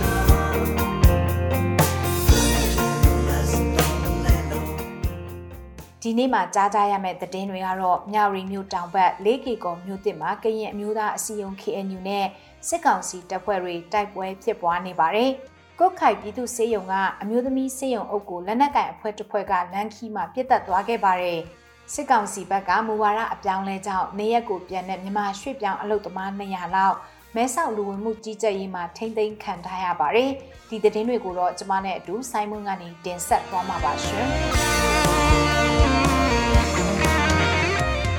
ကရင်ပြည်နယ်မြဝတီမြို့တောင်ဘက်မှာရှိတဲ့၄ကီကောမြို့တစ်မှာဒီမနက်7:00နာရီဝန်းကျင်ခန့်ကစပြီးတော့ကရင်မြို့တာလူမျိုးရေးတပ်မတော် KNLA နဲ့စစ်ကောင်စီတပ်တို့အကြားတိုက်ပွဲစတင်ပြပွားခဲ့တယ်လို့သိရပါတယ်။စစ်ကောင်စီတပ်ဘက်ကလက်နက်ကြီးအုံပြုပြီးတော့ပြည်သူ့ကာကွယ်ရေးတပ်ဖွဲ့ PDF တွေရှိတယ်လို့ယူဆတဲ့နေရာကိုပစ်ခတ်နေတယ်လို့ 4K ကော်မြို့တစ်မှာနေထိုင်သူတူက KIC ကိုပြောပါတယ်။ KNU နယ်မြေ 4K ကော်မြို့တစ်မှာအာနာဒိန်စစ်ကောင်စီကိုစန့်ကျင်တဲ့နိုင်ငံရေးတက်ကြွလှုပ်ရှားသူတွေပြည်သူ့ကာကွယ်ရေးတပ်ဖွဲ့ PDF တွေခိုလုံနေထိုင်ကြတယ်ဆိုပြီးစစ်ကောင်စီတပ်ဖွဲ့ဝင်တွေကမနေ့ကစတင်ပြီးတော့ရက်ွက်တွေမှာဝင်ရောက်ရှာဖွေဖမ်းဆီးမှုလုပ်ခဲ့တာကြောင့်နယ်မြေခံ KNL တပ်ဖွဲ့နဲ့စစ်ရေးတင်းမာလာတာဖြစ်ပါတယ်။ 4K ကော်ရက်ွက်6ဘက်ကနေပြစ်ခတ်မှုစတင်ဖြစ်ပွားလာတာဖြစ်ပြီးတော့တစ်ဆက်တည်းမှာပဲဗျူးပွင့်အမြောက်ကုန်းဘက် ရတိကူဘက်မှာလည်းပြစ်ခတ်မှုဖြစ်ပွားနေတယ်လို့ 4K ကော်မြို့တစ်အုပ်ချုပ်ရေးမှူးတာဝန်ရှိသူတူစီကသိရပါတယ်။အခုလိုပြစ်ခတ်မှုတွေကြောင့်လက်ရှိမှာဒေသခံပြည်သူ400ကျော်ဘေးလွရာကိုထွက်ပြေးတင်းရှောင်နေကြတယ်လို့လည်းသိရပါတယ်။ဒီသတင်းအသေးစိတ်ကိုနောက်ပိုင်းသတင်းပေးပို့ချက်တွေမှာလည်းတင်ဆက်သွားမှာဖြစ်ပါတယ်။ဂရီနီပြည်နယ်အတွင်းစစ်ကောင်စီတပ်တွေကိုတိုက်ခိုက်နေတဲ့ဂရီနီအမျိုးသားများကာကွယ်ရေးတပ် KNDF ဟာအမျိုးသားညီညွတ်ရေးအစိုးရ NUG စီကနေ ကာကွယ်ရေးနဲ့ပတ်သက်တဲ့အထောက်ပံ့တချို့ရရှိနေပြီလို့ KNDF ရဲ့တာဝန်ရှိသူတယောက်ကပြောပါတယ်။လက်ရှိမှာ KNDF အနေနဲ့ပြည်ထောင်စုအဆင့်မှာ NUG နဲ့ချိတ်ဆက်ဆောင်ရွက်နေပြီးပြည်내အဆင့်မှာခရီနီပြည်내အတိုင်းပင်ခံကောင်စီ KSCC နဲ့ချိတ်ဆက်ဆောင်ရွက်နေတယ်လို့သူကပြောပါတယ်။ KNDF ဟာဂရနီပြည်နယ်ပြည်သူ့ကာကွယ်ရေးတပ်ဖွဲ့ဖြစ်ပြီး NUG အစိုးရရဲ့ကာကွယ်ရေးဝန်ကြီးဌာနကလည်း အတိမတ်ပြုပူးပေါင်းဆောင်ရွက်နေတဲ့အဖွဲ့ဖြစ်တယ်လို့ဒီဇင်ဘာလ23ရက်နေ့မှာ NUG အစိုးရကထုတ်ပြန်ထားပါတယ်။ NUG ဘက်ကဒီလိုမျိုးထုတ်ပြန်ပေးလိုက်တဲ့အတွက် KNDF အပေါ်ပြည်သူလူထုတွေအားလုံးလည်းအမြင်ရှင်းသွားပြီးတည်င်းမှန်ကိုလည်းသိရှိသွားတယ်လို့ယူဆကြောင်းပြောပါတယ်။ဆက်ပြီးတော့ပုံမခိုင်မာတဲ့ဆက်သွယ်ဆက်ဆံမှုတွေနဲ့ပြည်ထောင်စုအဆင့် NUG ပြည်내အဆင့် KSCC တို့နဲ့လက်တွဲပြီးတော့လှုပ်ဆောင်သွားမယ်လို့ KNDF တာဝန်ရှိသူတို့ကပြောပါတယ်။ KNDF တပ်ဖွဲ့ဟာဂရနီပြည်နယ်ကပြန့်ကျဲနေတဲ့ပြည်သူ့ကာကွယ်ရေးတပ်ဖွဲ့တွေကိုစုဖွဲ့ပြီးမေလ31ရက်နေ့မှာစတင်ဖွဲ့စည်းထားတာဖြစ်ပါတယ်။တန်ရဲအနေနဲ့18ရင်ရှိပါတယ်။ဂရနီပြည်နယ်ကစစ်ကောင်စီနဲ့ဖြစ်ပွားနေတဲ့တိုက်ပွဲတွေမှာ KNDF ဟာဂရနီတပ်မတော် KA နဲ့ပူးတွဲပြီးတော့တိုက်ပွဲဝင်နေတဲ့အဖွဲ့ဖြစ်ပါတယ်ရှင်။ရှမ်းပြည်မြောက်ပိုင်းကုတ်ခိုင်မြို့နယ်စေယုံအုပ်ဒေါက်တာဝင်းဝင်းမြိုင်ကိုမနေ့က ညခုနိုင်ချိန်ဝင်းကျင်ခန့်ကအမီမတိလက်နဲ့ကင်တစုကတနတ်နဲ့ပြစ်ခတ်သွားတယ်လို့သိရပါတယ်။မနေ့ညခုနိုင်လောက်မှာတာမွင်းငယ်မုံစီဘက်ကနေကာကွယ်ဆေးထိုးပြီးအပြန်လမ်းမှာပြစ်တက်ခံရတာဖြစ်ပြီးတော့သူ့ရဲ့ရုပ်အလောင်းကိုဒီမနေ့ရှာဖွေတွေ့ရှိခဲ့တယ်လို့ကုတ်ခိုင်မြို့နယ်ပရဟိတအဖွဲ့ဝင်မျိုးသားတဦးကရှမ်းတန်နယ်စင်ကိုပြောပါတယ်။တနပြစ်တက်ခံရတဲ့အသက်50ဝန်းကျင်အရွယ်ဒေါက်တာဝင်းဝင်းမြိုင်ဟာ လူထုအာဏာပြေဆိုင်ရေးလှုပ်ရှားမှု CDM လှုပ်ဆောင်နေတဲ့ကျမ်းမာရေးဝန်ထမ်းတွေကိုဖိအားပေးချင်းချောက်မှုပြုလုပ်ခဲ့သူဖြစ်တယ်လို့လည်းသိရပါတယ်။သူဟာကုတ်ခံမြို့ပြည်သူ့စေယုံမှာတာဝန်ထမ်းဆောင်ခဲ့တာနှစ်20ရှိပြီဖြစ်ပါတယ်။ DNA Radio ကသတင်းတွေကိုတင်ဆက်ပေးနေတာဖြစ်ပါတယ်။နေ့စဉ်မြန်မာစံတော်ချိန်ညနေ9:15မိနစ်ကနေ9:00ခွဲအထိ line to 16မီတာ19.3 MHz မှာဖမ်းယူနားထောင်နိုင်ပါတယ်။ KNU ထိန်းချုပ်နယ်မြေဗိတ်တဝဲခရိုင်တပ်မဟာလေးနယ်မြေဖြစ်တဲ့တနင်္သာရီတိုင်းပလောမြို့နယ်တဲကိုစစ်ကောင်စီတပ်ဖွဲ့ဝင်တွေကသူတို့ရဲ့တပ်ပြေး၃ယောက်ကိုရှာဖွေဖို့ဆိုပြီးအင်အားဖြည့်တင်းလာတဲ့အတွက်စစ်ရေးတင်းမာမှုတွေရှိနေတယ်လို့ဒေသခံတွေကပြောပါတယ်။စစ်ကောင်စီတပ်ဖွဲ့ဝင်အင်အား300လောက်ကဒူးရင်ပင်ဆောင်ကျေးရွာဖျားချောင်းဝင်းနဲ့လမ်းမကြီးဘေးအနီးနားကျေးရွာတွေမှာတက်ချထားပြီးတော့ဒေသခံတွေကိုလည်းတားမြစ်ပိတ်ပင်မှုတွေလုပ်နေတယ်လို့ဒေသခံတယောက်က KIC သတင်းဌာနကိုပြောဆိုထားပါတယ်။စစ်ကောင်စီတပ်ဖွဲ့ဝင်တွေဟာပလောမျိုးနယ်အတွင်းကဂျက်ကာပလောကုန်းတမိုင်တောင်စတဲ့ကျေးရွာတွေမှာအရင်တက်ဆွဲထားပြီးတော့နောက်ထပ် KNU ထိန်းချုပ်နယ်မြေအတွင်းကဒူရင်ပင်ဆောင်ရွာမှာလည်းအင်အားအနှဲငယ်တိုးလာခဲ့တာဖြစ်တယ်လို့ဆိုပါတယ်။ စစ်ကောင်စီတပ်ရဲ့ပြောဆိုချက်အရသူတို့ရဲ့တပ်ဖွဲ့ဝင်3ယောက်ကလက်နက်6လက်နဲ့အတူတက်ကနေပျောက်သွားတဲ့အတွက်တပ်ပြေးတွေကိုရှာဖွေဖို့အခုလိုမျိုးထပ်မံအင်အားတိုးချဲ့တာဖြစ်တယ်လို့ကြားသိထားရကြောင်းဒေသခံတွေကပြောပြကြပါတယ်။ပြီးခဲ့တဲ့ဒီဇင်ဘာလ17ရက်နေ့တုန်းကလည်းစစ်ကောင်စီတပ်ဖွဲ့ဝင်တွေနဲ့နယ်မြေခံတပ်တွေဖြစ်တဲ့ KNU ပြည်သူ့ကာကွယ်ရေးတပ်ဖွဲ့ PDF ပူးပေါင်းတပ်တို့နဲ့ ဒူရင်ပင်ဆောင်ရွာနာမှာပြစ်ခတ်မှုဖြစ်ပွားခဲ့ပြီးတော့စစ်ကောင်စီဘက်က3ဦးကြဆုံးခဲ့တာလည်းရှိခဲ့ပါတယ်။ဝိုင်းမော်မြို့နယ်ကျေးရွာတွေမှာအခုရက်ပိုင်းတွင်စစ်ကောင်စီနဲ့ပြည်သူ့စစ်တပ်ဖွဲ့တွေကကျေးရွာတွင်ကချင်လူလိုက်ရဲတပ်မတော် KIA နဲ့ပတ်သက်တယ်လို့မတင်ကားတဲ့ပြည်သူတချို့ကိုလိုက်လံဖမ်းဆီးနေတယ်လို့သိရပါတယ်။ဒီဇင်ဘာ14ရက်နေ့မနေ့ပိုင်းက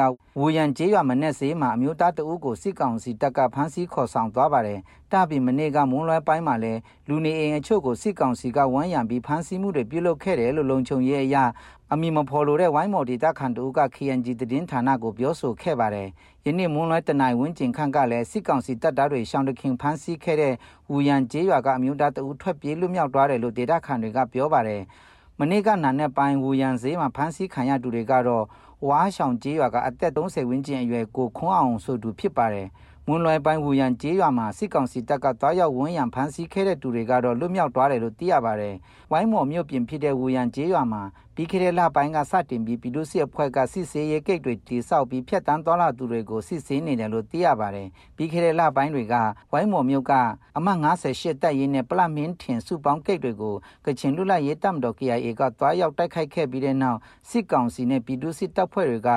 မြို့တွင်ဖမ်းဆီးမှုတွေနဲ့အတူစစ်ဆေးရေးဂိတ်တွေကိုလည်းတိုးမြင့်ချလာတာဖြစ်တယ်လို့သိရပါတယ်။ စကိုင်းတိုင်းဒေသကြီးတပဲရင်မြို့အနောက်ဘက်နဂါးတွင်ကျေးရွာနားမှာနေထိုင်တဲ့စစ်ကောင်စီအရာရှိအဆင့်ရှိသူနှစ်ယောက်ရဲ့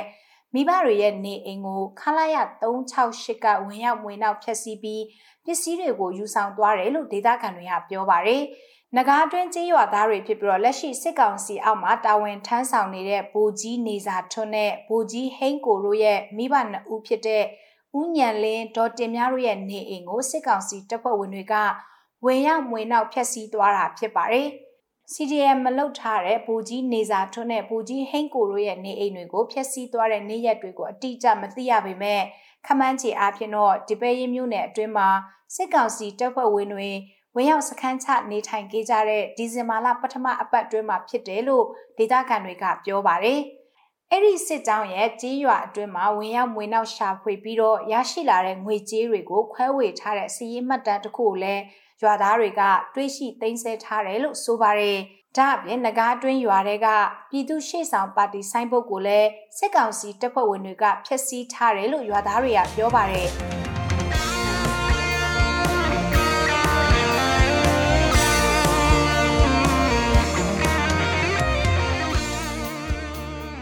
ခုဆက်ပြီးတော့တည်င်းလွှာတွေကိုတင်ဆက်ပေးပါမယ်ရှင်။ငင်းချမ်းရေးမြို့သစ် 4K ကော်မှာတိုက်ပွဲစတင်ဖြစ်ပွားလာတဲ့အတွက်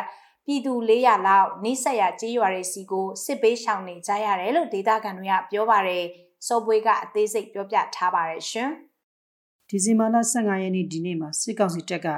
4K ကော်မြို့သစ်ထက်ကိုဝင်လာရာကနေတိုက်ပွဲစတင်ဖြစ်ပွားလာတာဖြစ်ပြီးတိုက်ပွဲကြောင့်ဒေသခံတွေထွက်ပြေးတင်းရှောင်နေကြရတာလို့ဒေသခံတယောက်ကပြောပါတယ်။ဒီတွေကတော့ဟိုနည်းနည်းကြောင်ပြေးနေရတော့ဘုလိုလိုလေးရတော့ရှိတယ်။ရောက်ပြီးနောက်ဟိုဘလူးတို့ဝါကီတို့အဲ့ဒါရှောင်းနေရတယ်။ ဒေသခံတွေက၄ကီကောမြို့အနီးတစ်ဝိုက်က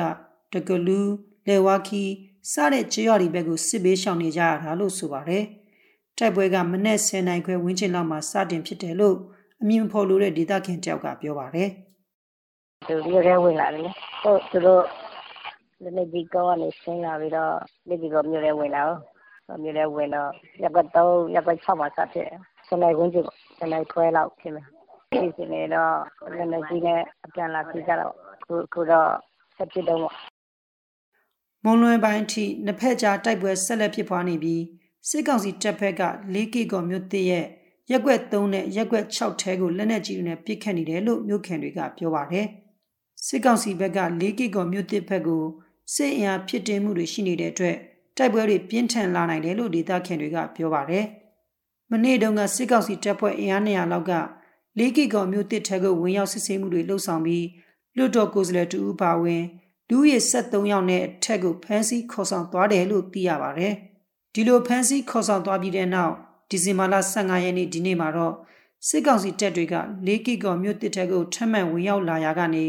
တိုက်ပွဲတွေစတင်ဖြစ်ပွားလာတာလို့ဒေသခံတွေကပြောပါတယ်။စစ်ကောင်စီကလည်းသူတို့ CDR ရှိလို့ယူဆလို့သူတို့လာပြီးတော့ဝင်ပြီးတော့ ပြည်စမှုတွေလုပ်တာဟုတ်တစ်ဖက်လည်းပြည်နယ်ရဲ့ဟိုထိချုပ်နယ်မြေလေးလည်း ပြောလို့ရတယ်လေ ဆိုတော့တစ်ဖက်ကလည်းဒီနေ့ကန်တာဆိုတော့လည်း ဒီလို ခဏခဏ ဝင်ဖြစ်တော့လည်း အချိန်ကတင်းမာတယ်လို့ဖြစ်သွားတာပေါ့ တင်းမာနေအခုတော့ဒီကမှုတိဖြစ်သွားတာပေါ့ လေးကီကောမြို့တင်မှာဆိုရင် အုံးဖြန် နိုဖိုးမဲလာအစရှိတဲ့ ဒုက္ခသည်စခန်းတွေကနေ ဒုက္ခသည်တွေ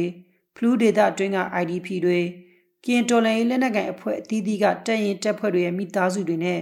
ထိုင်းနိုင်ငံဖူဖရာမြို့နဲ့မဲဆောက်မြို့တွင်းကရွှေပြောင်းလုံသမားမိသားစုတွေနေထိုင်ကြပါတယ်။လေးကီကော်မြို့တစ်ကကရင်အမျိုးသားအစည်းအရုံး KNU နဲ့တမရဦးသီးစိန်အစိုးရတို့ကြားပြည်내အဆင့်ပြည်ထောင်စုအဆင့်လက်မှတ်ရေးထိုးပြီးနောက်ဖြစ်ပေါ်လာတဲ့စီမံကိန်းဖြစ်ပြီးအစိုးရနဲ့ဂျပန်နိုင်ငံကနီပွန်ဖောင်ဒေးရှင်းတို့ရဲ့ထောက်ပံ့မှုနဲ့တည်ဆောက်ထားတဲ့မြို့တစ်မြို့ဖြစ်ပါတယ်။လေးကီကော်မြို့တစ်ထဲမှာအိမ်ထောင်စု986စု လူရေ3000ကျော်နေထိုင်တယ်လို့စကန်တောင်ရှိသူတွေရဲ့ပြောဆိုချက်အရသိရပါတယ်။ထိုင်းနိုင်ငံမှာအလုပ်လုပ်နေတဲ့ရွှေ့ပြောင်းအလုပ်သမားတွေနေရက်ပြန်တာကိုမြန်မာနိုင်ငံဘက်ကလက်မခံလို့မဲဆောက်မှာတောင်းတင်နေကြပါတယ်။မြန်မာဘက်ကရုတ်တရက်မူဝါဒပြောင်းလဲခဲ့တာကြောင့်အလုတ်သမား200လောက်ဟာနေရက်ကိုမပြန်နိုင်ပဲထိုင်းအချုပ်ခန်းထဲမှာထိမ့်သိမ်းခံထားရပါတယ်။ဒီအကြောင်းကိုတော့တန်လွင်ထိုင်းသတင်းဌာနကမမြကြီးမုံကတင်ဆက်ပေးထားပါတယ်ရှင်။ ထိုင်းနိုင်ငံကနေနေရက်ပြန်လာတဲ့မြန်မာရွှေ့ပြောင်းလုပ်သမားတွေကိုစစ်ကောင်စီဘက်ကပြန်လည်လက်ခံရေးမူဝါဒပြောင်းလဲလိုက်တဲ့အတွက်ကြောင့်ရွှေ့ပြောင်းလုပ်သမားတွေနေရက်ပြန်ဖို့အခက်အခဲတွေနဲ့ရင်ဆိုင်နေရတာပါ။ထိုင်းမြန်မာအမှတ်နှစ်ချစ်ကြည်ရေးတရားမှာနေရပြန်လာတဲ့ရွှေ့ပြောင်းလုပ်သမားတွေကိုအရင်ကတရက်ချာအယောက်900လက်ခံခဲ့ပေမဲ့ဒီဇင်ဘာလ18ရက်နေ့ကစပြီးတပတ်ကိုရွှေ့ပြောင်းမြန်မာလုပ်သားအယောက်200သာလက်ခံဖို့စစ်ကောင်စီကသတ်မှတ်လိုက်တာဖြစ်ပါတယ်။ ဒီဇင်ဘာ23ရက်နေ့မှာထိုင်းအာဏာပိုင်တွေကနေရက်ပြန်လာတဲ့မြန်မာရွှေ့ပြောင်းလုပ်သား200ကျော်ကိုမြဝတီမြို့ထိုင်းမြန်မာအမှတ်2ချစ်ကြည်ရေးတရားကနေတဆင့်မြန်မာဘက်ကိုလွှဲပြောင်းခဲ့ပေမဲ့မြန်မာဘက်ကလက်မခံလို့ထိုင်းအာဏာပိုင်တွေကပြန်ခေါ်သွားပြီးအချုပ်ထဲမှာထိန်သိမ်းထားတာပါဒီအခြေအနေနဲ့ပတ်သက်ပြီးမဲဆောက်အခြေဆိုင်မြန်မာရွှေ့ပြောင်းလွတ်သမားရေးကူညီပေးနေသူတူဦးကိုဆက်သွယ်မေးမြန်းကြည့်ရမှာတော့အခုလိုပြောပါတယ်ချစ်ကြည်တရား ထဲမှာ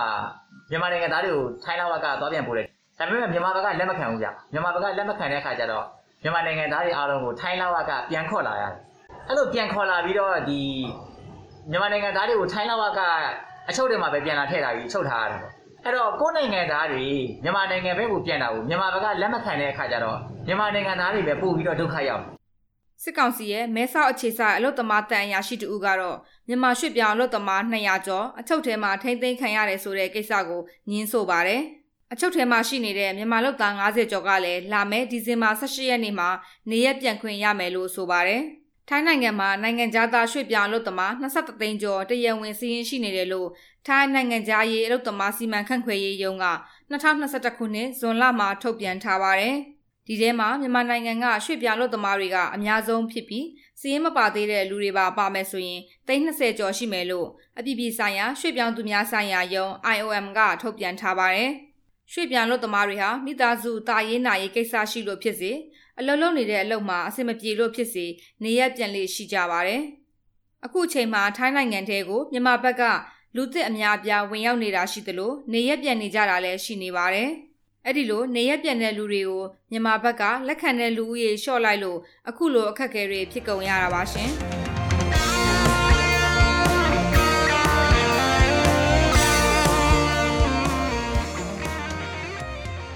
အခုနားဆင်ခဲ့ကြရတာကတော့ BNI Radio ကနေ့စဉ်သတင်းအစီအစဉ်ပဲဖြစ်ပါတယ်။ ဒီအစီအစဉ်ကိုနေ့စဉ်မြန်မာစံတော်ချိန်ညနေ9:15မိနစ်ကနေ9:00ခွဲအထိ15မိနစ်ကြာထုတ်လွှင့်နေတာဖြစ်ပါတယ်။နားဆင်ပေးတဲ့အတွက်ကျေးဇူးတင်ပါတယ်ရှင်။ကျွန်မကအမီပါ။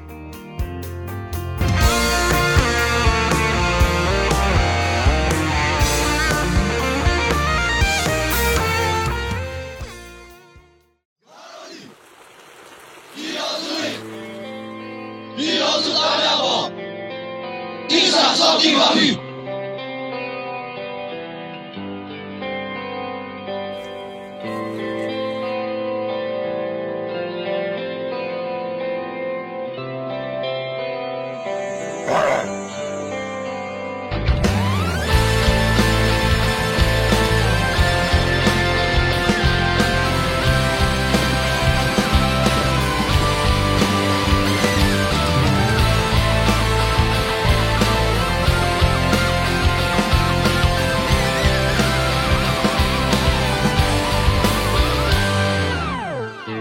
ပါပြီရောက်ချီလေတော့မယ်တင်ပါရင်နေလေတွေ့ဝီစလာတမော်လေးအာနာမသိဘူးလို့ပြောနေရမယ်ရများနှရှမ်းလုံးနဲ့မြေတားတရားညီချင်းချင်းတာလူရှိစေအဲ့တော့တမန်ဘူးအေးဝဲကြချင်တဲ့အောင်မင်းများညီစေ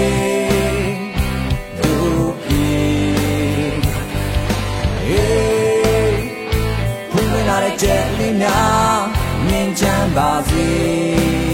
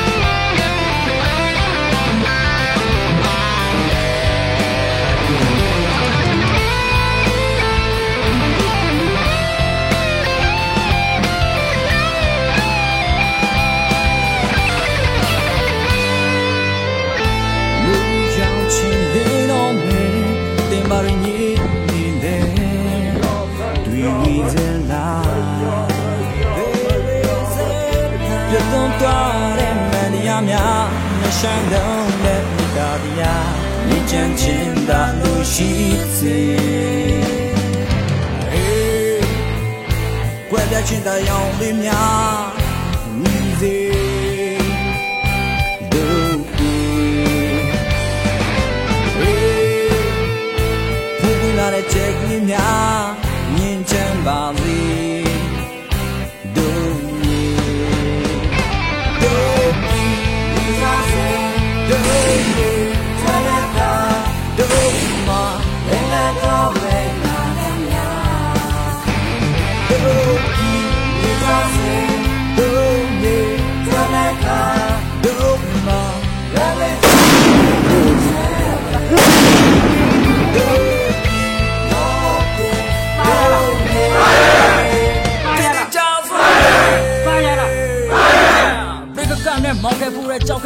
ခဲ့ရှုံးပဲတန်းတွေဝေဆိုရပထားတဲ့နေ့ရက်ကာလတွေပြီးရင်ဒုက္ခမနာဆိုတဲ့လူဝချင်းကွာချူမယ်တောင်းမပေါ်မှာတက်ကရှောင်းမယ်လူနာချင်းခံစားမယ်လက်စုံမို့တင်စိုးကြအိတ်ခဲရတဲ့ကုပြကြီးဟာအခုဆိုငါတို့ကိုနှမျောတတ်တတ်တဲ့ချစ်တဲ့ငါဝဟောင်းချူမယ်ဘရာတင်နဲ့ပွဲလက်တဲ့မဲ့ဟောင်းမဲခိုင်းရဲ့ inside to free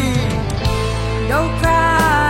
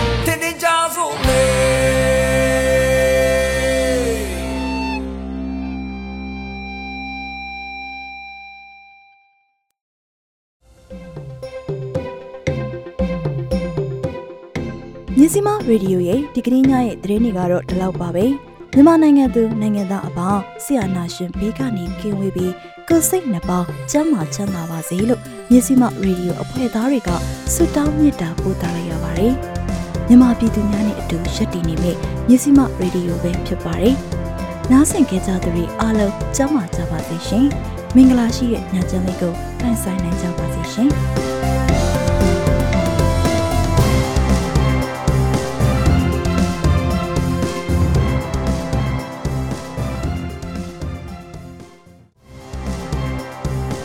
ကျမတို့ရဲ့မြစီမရေဒီယိုကိုနေ့စဉ်ည6နာရီခွဲမှည9နာရီခွဲထိလိုင်းဒိုမီတာ16မီတာ